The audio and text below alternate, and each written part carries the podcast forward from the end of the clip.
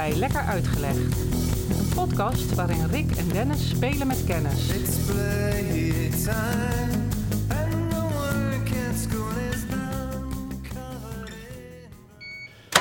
Maar we gaan naar Londen. Nice, ben ik al eens geweest. Ja. Ben je wel eens in een musea geweest? Oeh, ik heb daar geen levende herinnering van. Geen actieve Geen herinnering. actief ook niet. Actief niet, nog levend.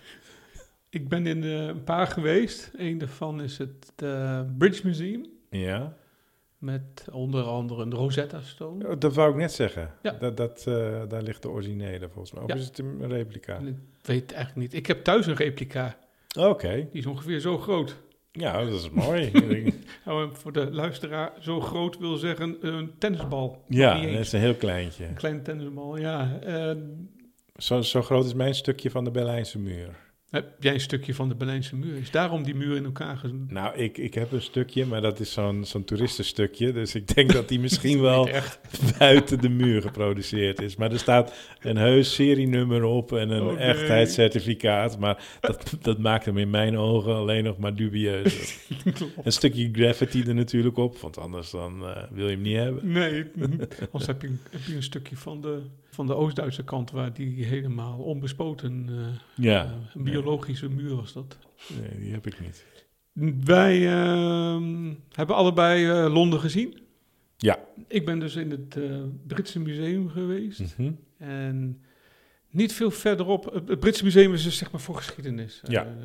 Kun je Roofkunst. Mummies, ja, roofkunst inderdaad. Ja.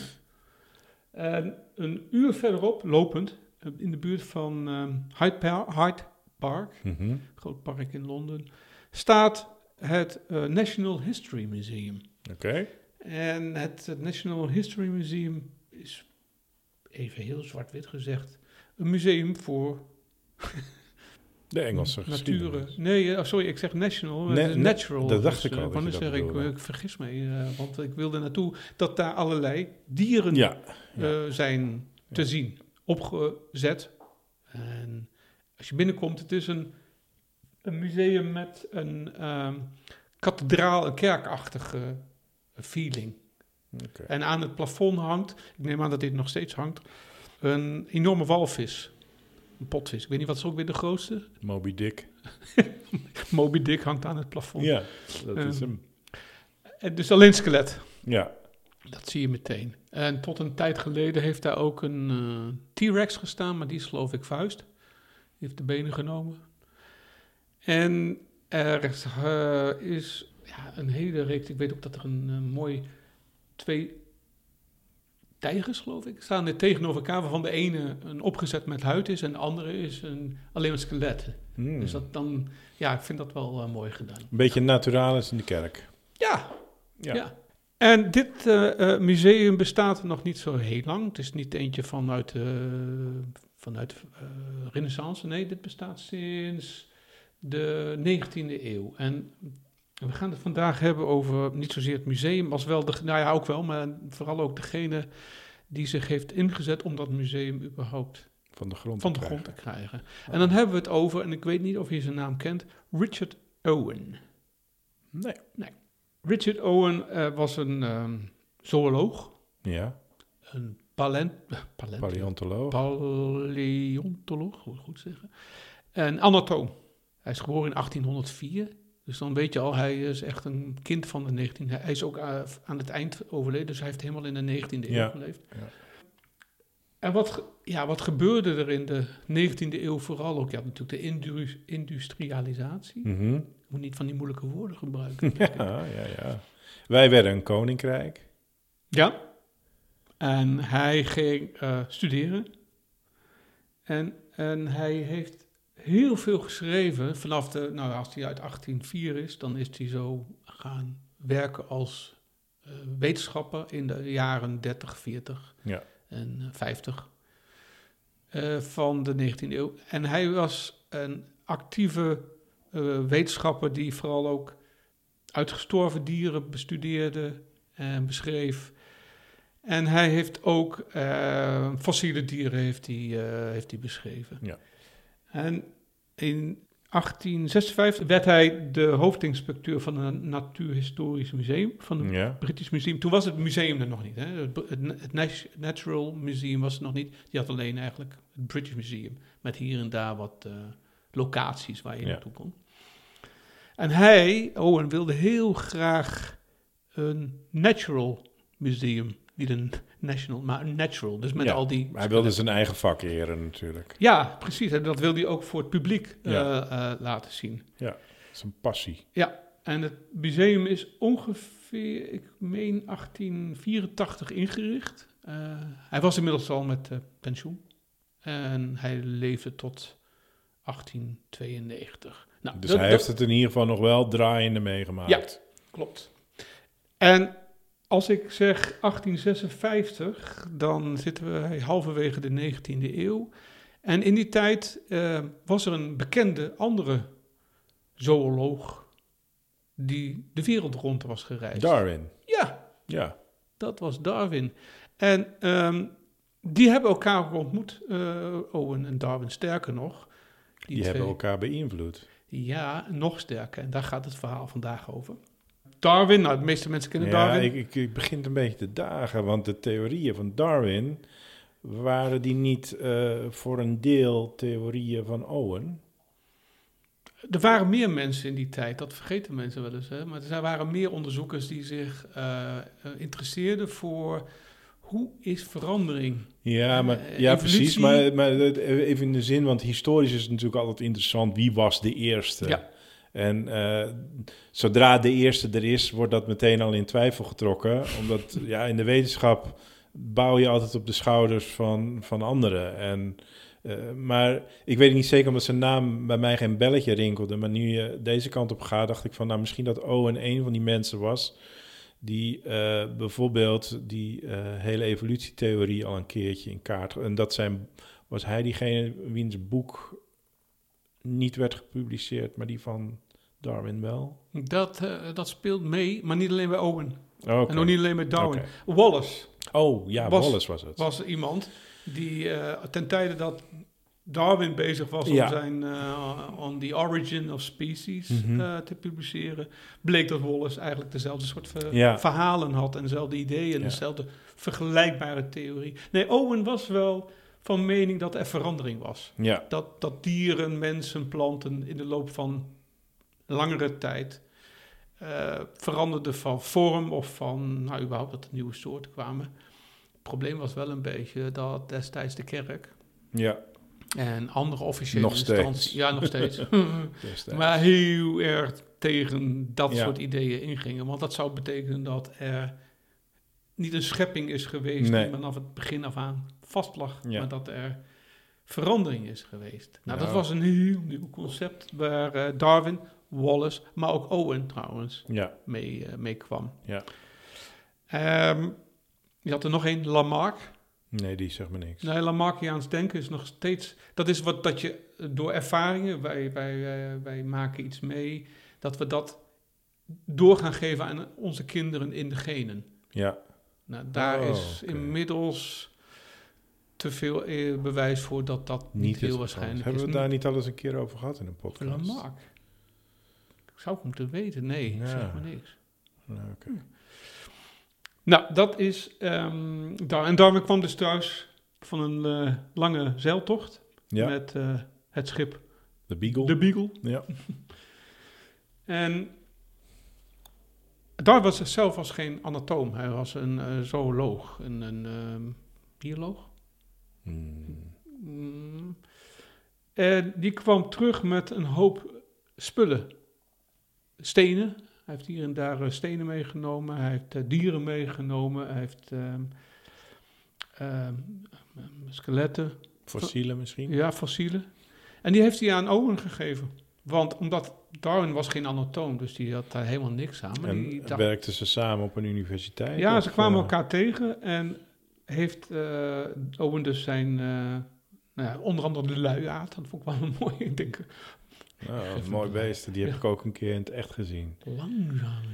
Je hebt twee soorten luiaarden. De twee tans en de drie tans. Is dat dan hun Ja, tand of hun nagel. eh, ja, hun zo'n ja, two-tooth ja, in het Engels. Maar ik, ik vertaal dat even naar tand. Ja. Maar dat, daar bedoelen ze inderdaad die nagel mee, die, waarmee ze zich vasthouden. En wij woonden destijds in, in eh, Costa Rica. En tussen ons huisje en het dorpje er was een voetbalveld. En aan de rand van het voetbalveld stonden bomen. En in een van die bomen huisde een luiaard. en eh, die was zo lui dat op het moment dat de gemeente kwam om de bomen rondom het voetbalveld eh, af te zagen, dat hij pas uit de boom kroop op het moment dat de hele kruin en alles op de grond lag. Hij moest er echt gewoon vinger voor vinger moest hij van die takken afgehaald worden. Hij was te lui om, om te vluchten. Maar nou kan zo'n beest ook niet vluchten, want hij gaat echt super langs. Oh, ik heb die nog nooit in het echt gezien. geloof Nou, Ja. ik had wel te doen met dat beestje. Ja. Iedere keer kwam je langs en dan hing hij daar in die bomen en dan worden die bomen gekapt. Man. Maar goed, dat Maar- is een eh, zijsprongetje. Ja. Owen kreeg die spullen, maar er werd eigenlijk al heel snel een tegenstander. Want hij bleef toch een beetje in dat oude beeld. Oké, hij zei evolutie, voilà, prima. Maar natuurlijke selectie, wat dan ook een onderdeel van Darwins theorie is. Ik ga niet helemaal Darwins theorie uitleggen, maar. Darwin zei iets over evolutie. Ja. En dat door natuurlijke selectie we veranderingen. En eh, dat beschreef hij dus ook in zijn boek. Ja, eh, ja. The Origin En was Owen eh, religieus? Een creationist? Nou, eh, hij ging in ieder geval veel minder ver dan ehm, Owen. Hij kon het blijkbaar wel een beetje loslaten. Maar dan moet je weten, Owen was ook een, was een sociale klimmer.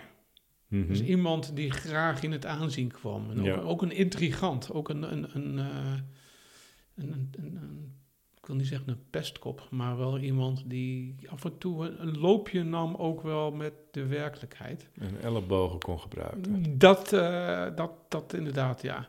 En die was dan ook meer een aanhanger van Lamarck, waarbij dus de, de veranderingen niet zo ver gingen als eh, Darwin dat voorstelde. Ja. Trouwens, Lamarck is volgens mij degene die het woord biologie heeft bedacht. Oké, Dat even een klein dat zijsprong. zijn toch credits. En het werd het op de spits gedreven, die, die, die, die Owen Darwin. Het was nog niet eens een ruzie, maar het werd wel op de spits gedreven toen in 1859. En ik zei net, in 1856 begon eh, Owen zich eh, te profileren als, eh, als een belangrijke iemand. Met zijn museum wat hij voor ogen had. En toen kwam 1859 kwam ehm The Origin of Species uit. En dat leidde bij Owen toch wel toe dat hij baalde. Ja, Hij eh, dat zag is toch dat- wel een gedegen stuk. Ja, en Darwin kreeg de aandacht. Ja, En dat werd hem iets eh, te veel van het goede. Dus hij heeft toen, dat merk je ook wel wat een intrigant, hij heeft toen een anonieme review geschreven in, ik meen, de Edinburgh Review over Darwins boek. En ja, nee, je zult wel, afgefakkeld. dat moet je dan wel doen, hè. Ja, Een hele lange anonieme recensie. Nou moet je weten dat hij ook nog een keer Owen eh, niet vies was van plagiatisme. Hij heeft af en toe stukken van anderen gewoon in zijn, uit, in zijn werk verwerkt zonder erbij te noemen dat het eh, niet van hem was. het is gewoon de Sonja Bakker van zijn tijd. Heftig. Maar, maar, maar die, die, die, die relatie raakte dus ook getroubleerd natuurlijk tussen Die- Owen. Of, of wist eh, Darwin niet dat Owen achter dat stuk zat? Is dat veel later? eh? Of, Achter- of Darwin wist dat Owen achter dat stuk Ja. zat. Nee, nee, het was dus- anoniem. Oh ja, nee, dat, is pas veel later. Nee. Dus ze, ze zijn niet heel erg tegen elkaar. Ze hebben geen ruzie gehad of zo verder. Ehm, nou, Darwin merkte wel dat Owen, omdat hij niet zo ver wilde gaan en omdat met zijn theorie over evolutie, merkte Darwin wel dat ehm, Owen ehm, en hij niet de beste vriendjes Nee, zouden Het was, worden. was geen medestander. Nee. nee, en hij heeft ook in een paar jaar later, in een jaar of vijf, zes later, heeft Owen ook een campagne gestart om eh, zelfs Darwins theorie voor zichzelf op te eisen. Ja, maar dat is natuurlijk helemaal wat de Nou, beest eh, staat. eh, het wordt nog erger. Om maar eens in biologische termen te nee, het wordt nog erger. Hij heeft ehm, ook in de jaren eh, 60 van de 19e eeuw heeft hij ehm, geprobeerd om de Archaeopteryx, hè, dat is een fossiel, een Mhm. vliegend fossiel, Mhm. ehm, geprobeerd om te beschrijven als, als, als vogel. Eh, en, en niet als een eigenschap van, eh, met, met een eigenschappen van een reptiel. Wat Mhm. de Archaeopteryx Wel is. wel is. Eh, dat heeft met potjes en, en, en bepaalde wel of niet aanwezige elementen in het skelet te maken. En hij wilde eigenlijk misschien wel verhinderen om de Darwinisten tegelijk te geven. Dus hij heeft, het, hij, heeft, hij heeft het niet goed beschreven. Dat heeft hij waarschijnlijk uit wens om Ja. een Darwins verhaal. Dus je hoort al, hij is Hij is aan het marchanderen. hij is marchanderen. Hij bleef wel bij het NHM. Hij is ook op een, bij, op een aantal plekken is die, eh, hij is uit de Zoological Society wel geschopt. Omdat hij plagiaat pleegde. Ah, In 1882 sterft Darwin, ja. voordat Owen sterft. Inmiddels was hij wel een household name in de wetenschap. Hij had het boek geschreven en de ideeën die dat opriep, dat zorgde ervoor dat niet alleen hij kreeg aandacht, maar hij begon ook anders na te denken. Ja, dus de hele de hele menselijke wetenschap kwam in beweging Ja. als gevolg van dat boek. Maar wat doet meneer Owen? Hij overlijdt, eh, Darwin. Een half jaar later eh, schrijft eh, Owen een brief aan Walpole. Dat was de, de, de toenmalige minister van Binnenlandse Zaken, de Home Secretary. secretary. Dat is de, geloof ik de minister van Binnenlandse Zaken. Zou ik zeggen. En hij, ehm, wat doet hij in die brief? Hij begint met een verhaal over eh, de geschiedenis van Darwin's Rise. eh, rise? Ja, ja, Rise. Rise. Rise on the Beagle. ja, de Beagle Rise. Ja. En over de stenen die hij van Darwin heeft gegeven. Darwin heeft ook ervoor gezorgd dat eh, Owen een, een, een- ook een hoop aandacht kreeg. Ja, die, doordat kreeg, hij- die heeft hem een trapje hoger gebracht ja, op die die ladder. heeft hem eigenlijk al Ja. een beetje op zijn sokkel neergezet. Ja. Eh, en, en het werk dat hij schreef. Maar vervolgens gaat Owen, en ik weet niet, er zijn heus wel meer van dit soort voorbeelden, mensen van, van wetenschappers die het niet kunnen hebben dat zij niet meer... eh, Afgunst. ja, puur afgunst. Niks is een wetenschapper. Och man, Niks vertel mij wat. vreemd. Ja, ken je voorbeelden? Ja, maar die ga ik nu niet eh, opnoemen. Maar nee, maar laten we het algemeen houden. Ehm, eh, ik heb op een universiteit rondgelopen en de cultuur binnen een universiteit eh, is ook wel degelijk doorspekt van, ehm, laten we zeggen, voor het karretje spannen. Artikelen schrijven of laten schrijven en jouw naam erboven zetten. En degene die het hardste werkt, eh, eh, krijgt de minste credits, want eh, enzovoort. Nou, je kunt hem wel invullen. Maar die cultuur, die is eigen aan universiteiten. Is ook roem en aandacht en eh, je naam in de eh, annalen van de, in de annalen Ja. van de wetenschappelijke... Ja, want als je je, plekje wilt, of je eh, subsidies veilig wil stellen, dan moet je je elleboogjes gebruiken. Want je moet wel vooraan komen te staan. Dat en dat is om, het. Dus het is ook een soort van ja, incentive en competitie.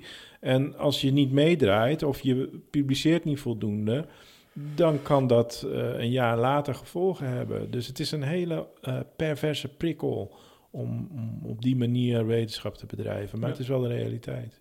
Klopt. En misschien dat Owen eh, daar zelf dan vanwege zijn karakter nog wat extra stimulans door kreeg.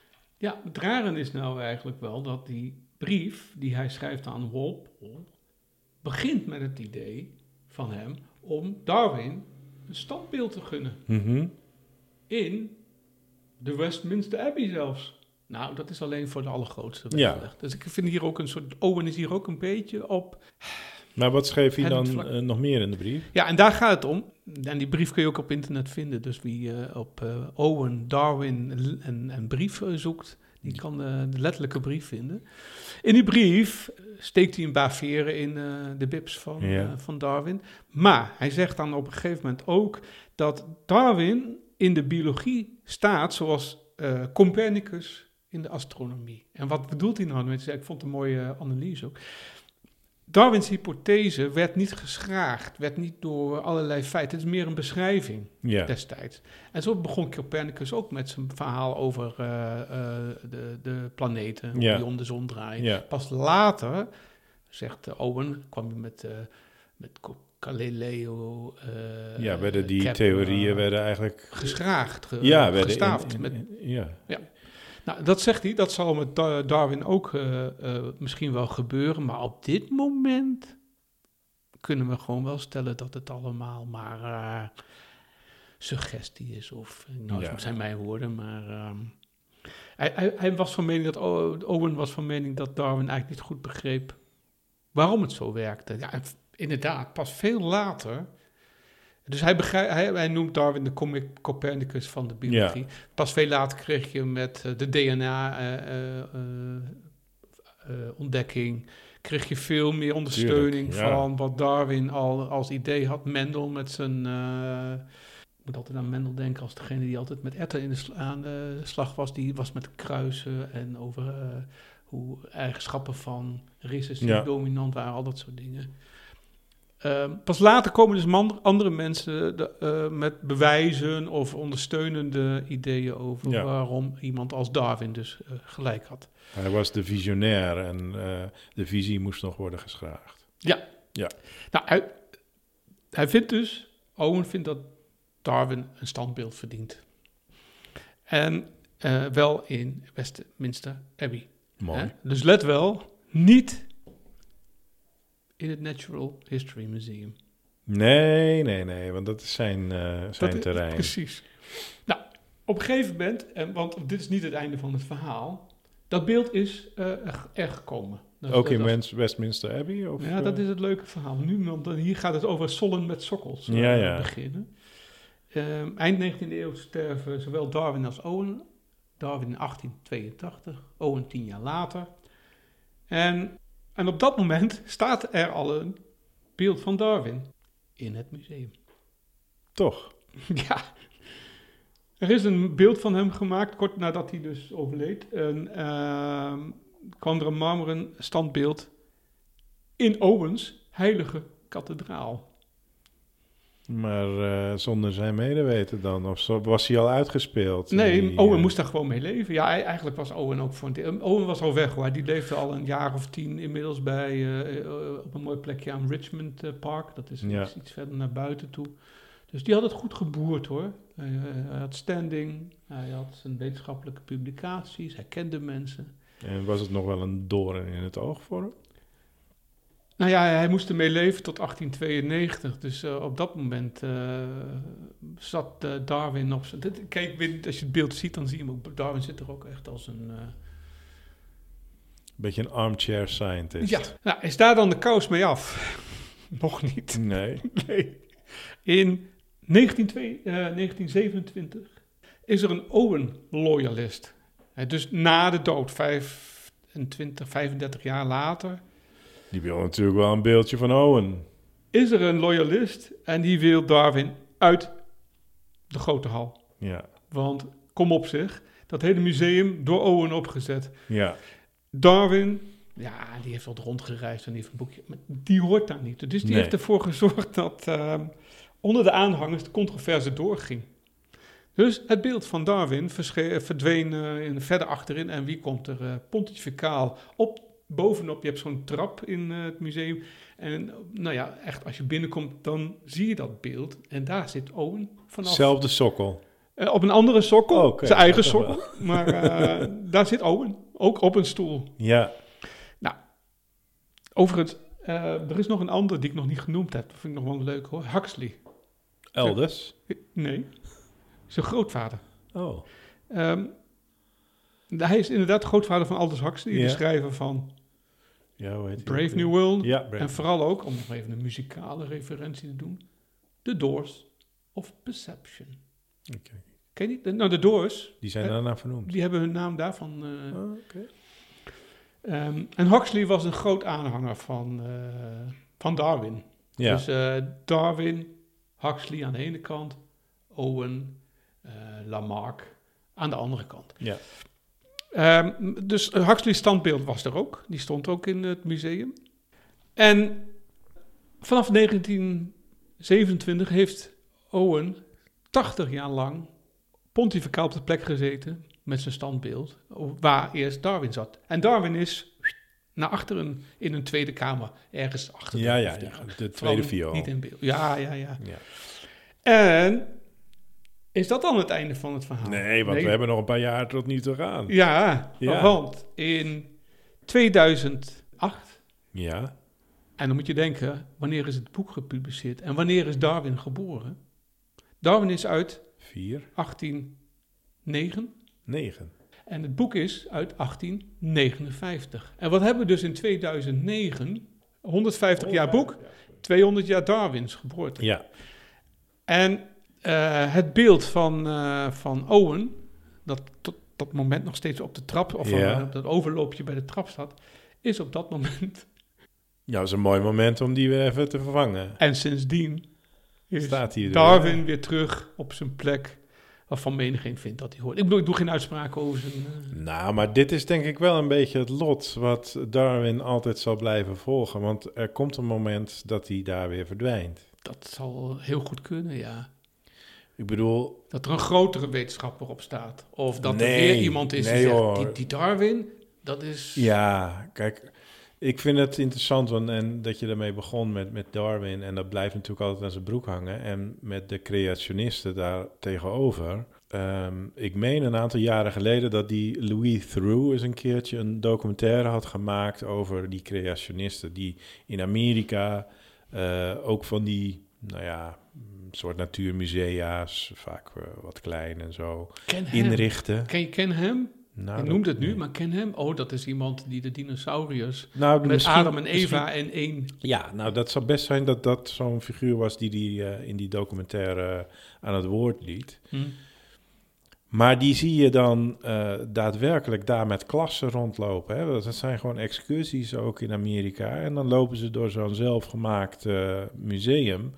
En dan staan ze daar eh, Darwin te bashen. En eigenlijk de schepping passend te maken met wat wij in de fossiele grond, bodem en dergelijke terugvinden. Om dat toch maar angstvallig passend te maken. En ja, dat is zo tenenkrommend. Ja, kijk ik er dan naar hoor. Eh, nou, inmiddels weten de luisteraars ook wel dat ik niet gelovig ben en zo. Maar ja, zolang dat blijft, zal denk ik de kans ook bestaan dat Owen en, eh, en Darwin van plekje wisselen. Denk je niet? Of dat beide uit het raam uit worden gekegeld. Ja, En dat er een nieuwe, meer passend bij het creationisme of eh, bij de Bijbel. Want je zegt inderdaad, het wordt heel dwangmatig, wordt geprobeerd de informatie dat in eh, het boek eh, de Bijbel, eh, een door mensen geschreven boek, misschien wel goddelijk geïnspireerd, maar door mensen zoveel duizenden jaren geleden opgeschreven, ja, met de ideeën van toen ja, met de kennis van toen. Ja. Ehm, wordt nu ook nog steeds geprobeerd om dat, dat boek, waarvan ik trouwens eh, zelf een exemplaar thuis heb. Ik ben ook wel christelijk opgevoed, althans naar christelijke scholen. Mhm. Heb al die kennis wel meekennis, die verhalen. Want Mhm. voor mij zijn het vooral ook verhalen, ja, vind- vind geschiedenisverhalen. prachtig. Ja, ja eh, zeker. Alleen als je het gaat vertalen naar iets als fossielen of ehm, evolutie, de verandering van soorten, of het idee dat de aarde ouder is dan, Ja. dan wat vaak door dat soort mensen wordt gezegd 6000 jaar, Dan begint het te wringen. dan begint het te wringen inderdaad. En ik ben al lang blij dat zo'n Darwin, maar ook Owen, hè, laten we Owen, eh, want ik heb zo meteen nog een eh, feitje dat je zou verbazen misschien, denk ik, weet niet. Ehm, wel ervoor gezorgd hebben dat zij hun ideeën over die fossielen en over het beschrijven van eh, skeletten en dieren en het, eh, de steensoorten eh, die ze Ja. vonden, die of vooral Darwin dan onderweg vond, dat ze daar niet zo dwangmatig mee omgingen dat ze zeiden evolutie. Dat kan niet. Nee. Alleen hoe ver die evolutie ging en de, de, de drijvende kracht achter zo'n evolutie, ja, daar werd van, over, van, van mening verschild. Ja. Door, eh, door heren, de heren Owen en de heren Darwin. Ik vind het lastig inderdaad, om- ik ben een wetenschapper, maar ik vind verhalen, het fictieve element ook mooi. Waarbij ik niet wil zeggen dat de Bijbel fictief is per se. Eh, Nee, maar je kijk- komt in zo'n gevaarlijk gebied waarin... Ja, en wij, wij kijken nu met onze 21e eeuwse ogen en kennis eh, naar het verleden. Kijk, eh, wij kunnen ons moeilijk verplaatsen in die tijd, maar dat moeten we toch altijd proberen. Want het is net zoiets als bijvoorbeeld in de tijd van de ontdekkers, hè, dat, dat Columbus erop uitgaat met zijn drie schepen in een tijd waarin nog maar net een aantal mensen roepen dat de aarde rond is en niet plat. Hè, dat, dat klinkt voor ons misschien nu belachelijk met de kennis van nu. Van jeetje, Mina, zeg, hoe, hoe, hoe komen ze erop? Hè? Maar als jij leeft in een wereld die veel kleiner is, die, die zo groot is als de horizon reikt en niet verder. Onze, onze wereld is groter en verder, gaat verder dan de horizon. Maar toen was dat absoluut niet zo. En alles daarachter was een fantasiewereld. En dat kan je ver- eh, vergelijken ook met godsdiensten, wat toch een functie heeft om dingen die moeilijk te verklaren zijn, toch een verklaring te geven, waardoor je eh, eh, vrede hebt met een situatie zoals die is. Ja, zo vertaal ik het een beetje, wat een functie, een functie van een Ja. Bijbel is en van geloof. Ja. En eh, dat kunnen wij beredeneren, maar we kunnen dat niet voelen in de tijd waarin het zich afspeelt. En dat zal voor die Owen ook zijn. Die Owen die zal ongetwijfeld vol vuur eh, zijn ideeën en de ideeën die hij niet deelde met, eh, met Darwin en die achteraf misschien verkeerd zijn, die zal hij heus te vuur en te zwaard hebben verdedigd, omdat dat op dat moment eh, zijn wereld is. Hè. En een wetenschappelijke wereld is vaak ook een wereld met oogkleppen. Ja. Dus eh, die nuance, die moeten we hem denk ik sowieso geven. En iedereen natuurlijk. Nou, dat hoort bij wetenschap. Ja. Het is eh, mensenwerk. Ja, En wetenschap heeft alleen als kenmerk dat het niet een eindpunt is, maar altijd een vraag Juist. is. Maar hoe zit dit dan? ja. En het En- antwoord levert weer tien nieuwe vragen op. Dat is het idee van, het is niet een fixed, Nee. een- hoe zeg je dat in het Nederlands? Fixed, een, een vastgezet, Het is een het geen eindpunt. door- doorgaand proces. Ja. En eh, dat moet je natuurlijk iemand als eh, Owen natuurlijk wel nageven. Hij was uiteindelijk wel een wetenschapper. Hoe, hoe, Ja, hoe ja. sterk hij... Hij had wetenschappelijke kwaliteiten. Ja. Maar hij was er ook niet vies van een beetje scheve schaatserij. Af en toe door eh, hier en daar wat te stelen. hier en daar een... Hè, dat verhaal van die Archeopteryx waarin die de beschrijving zodanig deed dat het in zijn voordeel was. Ja. Namelijk, het is een vogel. Het is geen vliegend Maar dat deed hij wel bewust. Dat was wel Ja. bewust om, om- ja, dat is Ja, wel niet zozeer tegen Darwin misschien. Ja, misschien ook wel trouwens, maar ook om zijn eigen verhaal. Ja, dat is dat doen meer wetenschappers. Ja, ja, ja, ja. Ik- ik heb Nee, gezeten. staat in de geschiedenis zomaar eens aan de verkeerde kant, joh. Hè? Er zijn er meer die aan de verkeerde kant hebben gestaan. De wens van aanzien en roem. En ook wat je zei al, geld binnen moeten halen om een nieuwe projecten. Ja, dat, was, dat is ook niet nieuw. Dat is, dat is nu nog steeds. Dat is nog steeds. Eh, Overigens, een van de redenen waarom ik misschien ook wel uit de wetenschap ben gestapt. Dat je vooral bezig bent met een heel bureaucratisch eh, Ja, proces. Ja. proces. Ja. Maar Nou komt hij. de, de uitsmijter of de afsluiter. Dus we hebben Owen als ehm, wetenschapper. Wat heeft hij dan eigenlijk voor ons betekend? Ik zit een beetje aan Monty Python. What have the Romans ever done for us? En wat heeft Owen dan? Nou, weet je wie de naamgever is van het woord dinosaurus? Ook eh, hij.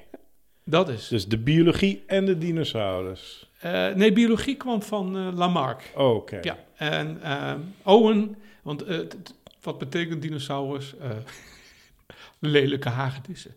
Maar goed, dan mogen, mogen we hem dan ook gewoon een dinosaurus van de wetenschap noemen, toch? Oh, Ja, dat zou inderdaad een Daar heeft hij zichzelf zijn, dan eh. wel mee... eh, heeft hij wel verdiend. Ja, dus Owen is de naamgever van, eh, van de dinosaurussen. Mooi.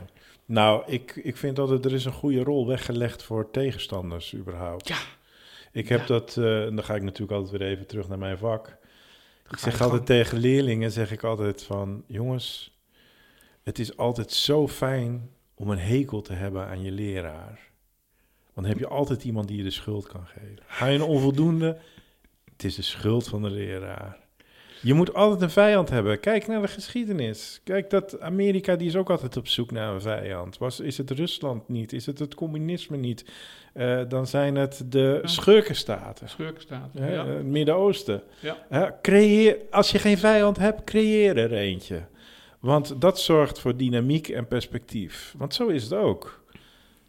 Kijk, als jij door het leven loopt met je ideeën en je hebt nergens een tegenstander. Ja, ga dan je ideetjes maar eens even toetsen. Ga ze maar eens eh, eh, scherpen. Eh, dat is een stuk lastiger. Dus ode aan de Owens onder ons. Wat mij ik mooi. betreft. Dan zullen we daarmee het verhaal van het gesol met de sokkels van Van beide heren mee, sluiten we eh, daarmee af. Oké, mooi. Lekker Uitgelegd is een podcast van Dennis Ai en Rick Roeland. Wil je geen uitleg missen? Abonneer je dan op Lekker Uitgelegd. Dat kan op Spotify, iTunes of in je favoriete podcast-app. Laat ook vooral een recensie achter. Dat vinden wij leuk en andere mensen kunnen ons dan sneller vinden. Lekker Uitgelegd is ook prima te volgen op Twitter, Facebook en Instagram. Wil je meer weten over deze aflevering? Kijk dan op lekkeruitgelegd.nl. En wil je reageren? Dat kan. Stuur dan een mailtje naar info@lekkeruitgelegd.nl. Tot over twee weken. Lekker uitgelegd is een klankmedia productie. En de muziek, die is van Kolbak.